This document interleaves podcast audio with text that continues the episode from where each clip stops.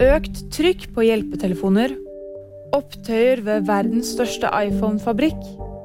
Og blir Johnny Depp å se tilbake i kjent rolle? Flere hjelpetelefoner opplever et økt trykk fra frustrerte og desperate folk som ikke får endene til å møtes i en tøff økonomisk hverdag. Høye priser på mat, strøm og raske rentehopp gjør at pengene ikke strekker til for stadig flere vanlige familier.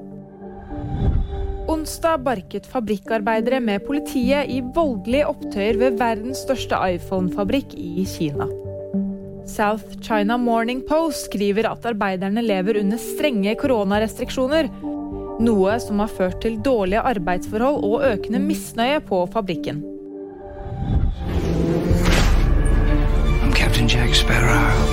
Britiske tabloider har skrevet at skuespiller Johnny Depp vil returnere i den kjente og kjære piratrollen Jack Sparrow. Et dokument fra produksjonsselskapet skal angivelig ha nevnt Depp i forbindelse med en testinnspilling. Samtidig skriver Daily Mail at de har snakket med kilder som hevder at ryktene ikke stemmer. Og VG-nyheter fikk du av meg, Fride Ribø Lie.